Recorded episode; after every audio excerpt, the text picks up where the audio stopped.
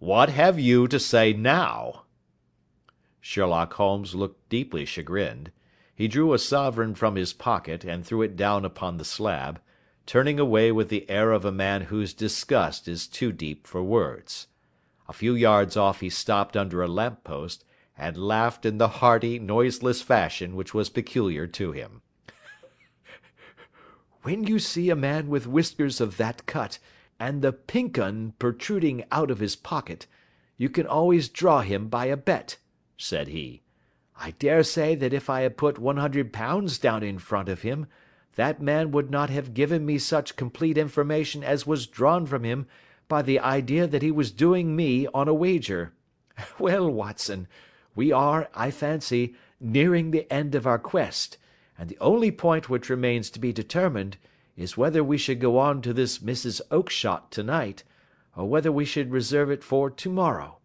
It is clear from what that surly fellow said, that there are others beside ourselves who are anxious about the matter, and I should His remarks were suddenly cut short by a loud hubbub which broke out from the stall which we had just left.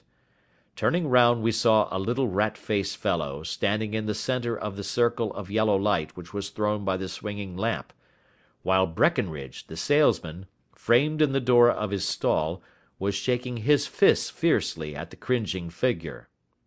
"I've had enough of you and your geese," he shouted. "I wish you were all at the devil together. If you come pestering me any more with your silly talk I'll set the dog at you. You bring Mrs. Oakshott here, and I'll answer her. But what have you to do with it? Did I buy the geese off you?" "No, but one of them was mine all the same," whined the little man. "Well, then, ask Mrs. Oakshott for it." "She told me to ask you." "Well, you can ask the King of Prussia for all I care. I've had enough of it. Get out of this." He rushed fiercely forward, and the inquirer flitted away into the darkness. "Ha! This may save us a visit to Brixton Road whispered Holmes. "Come with me, and we will see what is to be made of this fellow."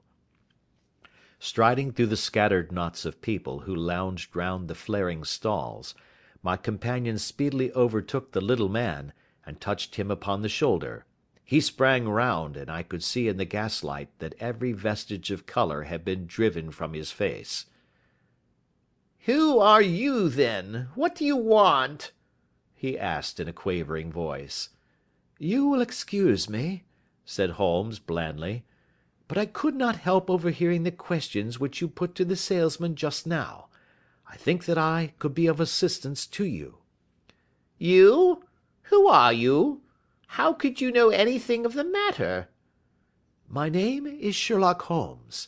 It is my business to know what other people don't know." "But you can know nothing of this." "Excuse me. I know everything of it.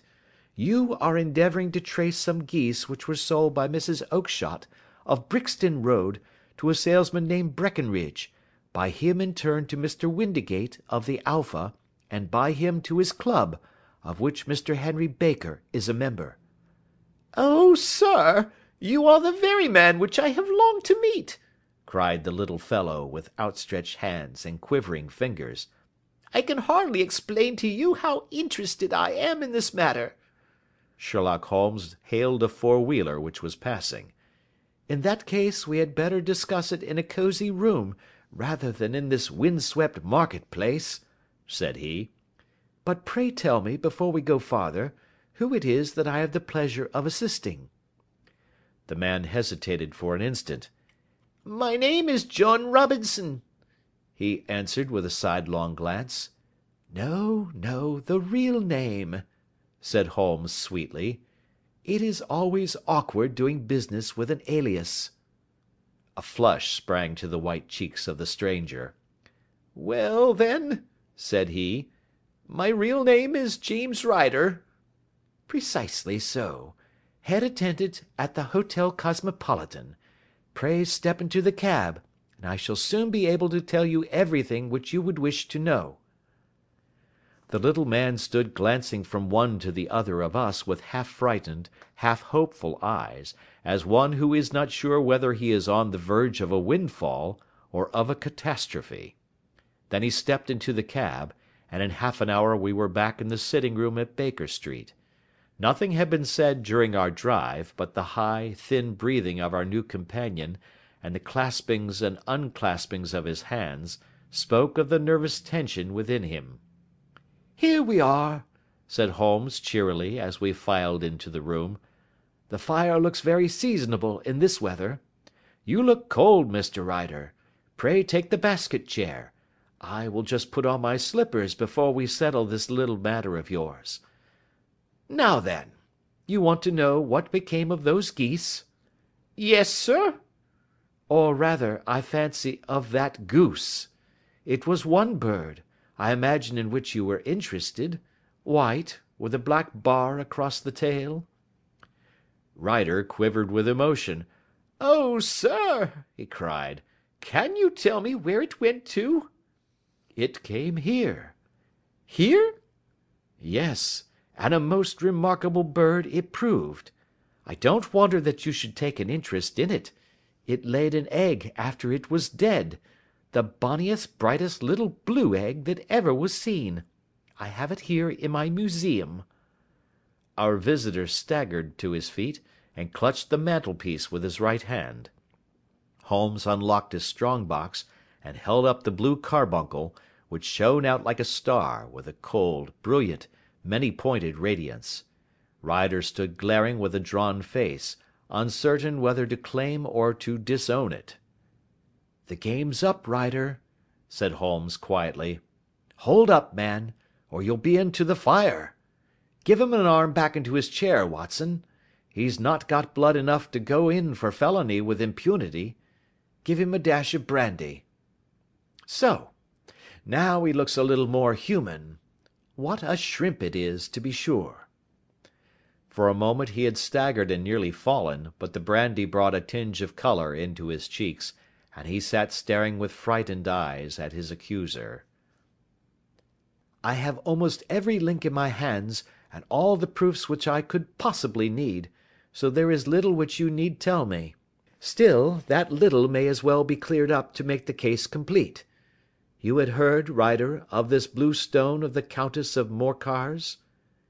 "It was Catherine Cusack who told me of it," he said in a cracking voice. "I see. Her ladyship's waiting maid.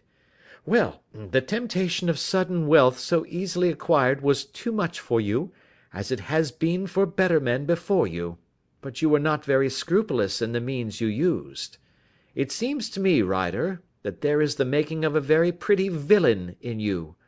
You knew that this man Horner, the plumber, had been concerned in some such matter before, and that suspicion would rest the more readily upon him. What did you do then? You made some small job in my lady's room, you and your confederate Cusack, and you managed that he should be the man sent for. Then, when he had left, you rifled the jewel case, raised the alarm, and had this unfortunate man arrested.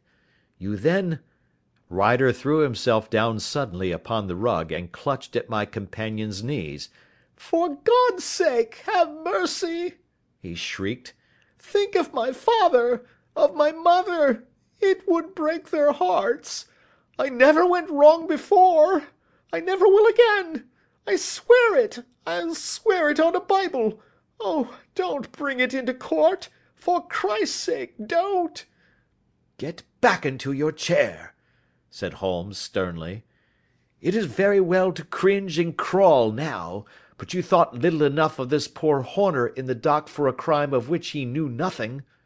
"I will fly, Mr. Holmes. I will leave the country, sir. Then the charge against him will break down." "Hum! We will talk about that. And now let us hear a true account of the next act. How came the stone into the goose, and how came the goose into the open market? Tell us the truth, for there lies your only hope of safety." Ryder passed his tongue over his parched lips. "I will tell you it just as it happened, sir," said he. "When Horner had been arrested, it seemed to me that it would be best for me to get away with the stone at once, for I did not know at what moment the police might not take it into their heads to search me and my room. There was no place about the hotel where it would be safe. I went out as if on some commission, and I made for my sister's house. She had married a man named Oakshott, and lived in Brixton Road, where she fattened fowls for the market. All the way there every man I met seemed to me to be a policeman or a detective, and for all that it was a cold night, the sweat was pouring down my face before I came to the Brixton Road. My sister asked me what was the matter, and why I was so pale, but I told her that I had been upset by the jewel robbery at the hotel. Then I went into the backyard and smoked a pipe and wondered what it would be best to do. I had a friend once called Maudsley, who went to the bad, and has just been serving his time in Pentonville. One day he had met me, and fell into talk about the ways of thieves, and how they could get rid of what they stole. I knew that he would be true to me, for I knew one or two things about him, so I made up my mind to go right on to Kilburn, where he lived, and take him into my confidence. He would show me how to turn the stone into money, but how to get to him in safety. I thought of the agonies I had gone through in coming from the hotel. I might at any moment be seized and searched, and there would be the stone in my waistcoat pocket. I was leaning against the wall at the time, and looking at the geese which were waddling about round my feet, and suddenly an idea came into my head which showed me how I could beat the best detective that ever lived.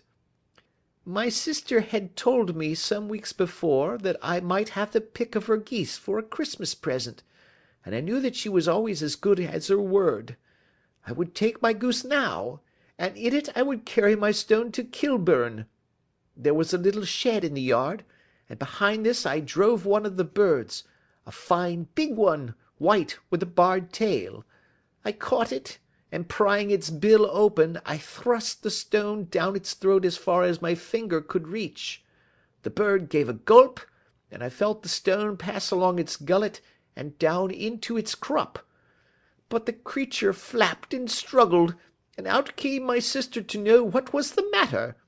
As I turned to speak to her, the brute broke loose, and fluttered off among the others.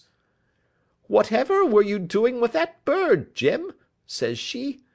"'Well,' says I, "'you said you'd give me one for Christmas, and I was feeling which was the fattest.' "'Oh,' says she, "'we've set yours aside for you. Jem's bird, we call it. It's the big white one over yonder.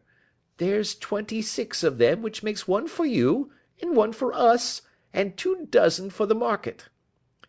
"'Thank you, Maggie,' says I, "'but if it is all the same to you, I'd rather have that one I was handling just now.' "'The other is a good three pound heavier,' said she, "'and we fattened it expressly for you.' "'Never mind, I'll have the other, and I'll take it now,' said I. "'Oh, just as you like,' said she, a little huffed. Which is it you want then?' "'That white one with the barred tail, right in the middle of the flock.' "'Oh, very well, kill it and take it with you.' Well, I did what she said, Mr. Holmes, and I carried the bird all the way to Kilburn. I told my pal what I had done, for he was a man that it was easy to tell a thing like that to. He laughed until he choked, and we got a knife and opened the goose. My heart turned to water, for there was no sign of the stone, and I knew that some terrible mistake had occurred. I left the bird, rushed back to my sister's, and hurried into the backyard. There was not a bird to be seen there. "'Where are they all, Maggie?' I cried. "'Gone to the dealers, Jem.' "'Which dealers?' "'Breckinridge, of Covent Garden.' "'But was there another with a barred tail?' I asked. 'The same as the one I chose?' Uh, "'Yes, Jem, there were two barred tailed ones, and I never could tell them apart. Well, then, of course I saw it all, and I ran off as hard as my feet would carry me to this man Breckinridge, but he had sold the lot at once, and not one word would he tell me as to where they had gone. You heard him yourselves to night. Well! He has always answered me like that. My sister thinks that I am going mad. Sometimes I think that I am myself. And now I am myself a branded thief, without ever having touched the wealth for which I sold my character. God help me! God help me!" He burst into convulsive sobbing, with his face buried in his hands. There was a long silence, broken only by his heavy breathing and by the measured tapping of Sherlock Holmes's finger tips upon the edge of the table. Then my friend rose and threw open the door. "Get out!" said he. "What, sir? Oh, Heaven bless you!" "No more words. Get out!" And no more words were needed. There was a rush, a clatter upon the stairs, the bang of a door, and the crisp rattle of running footfalls from the street. "After all, Watson," said Holmes, reaching up his hand for his clay pipe, "I am not retained by the police to supply their deficiencies. If Horner were in danger it would be another thing, but this fellow will not appear against him, and the case must collapse. I suppose that I am commuting a felony, but it is just possible that I am saving a soul. This fellow will not go wrong again. He is too terribly frightened. Send him to jail now, and you will make him a jail bird for life. Besides, it is the season of forgiveness. Chance has put in our way a most singular and whimsical problem, and its solution is its own reward.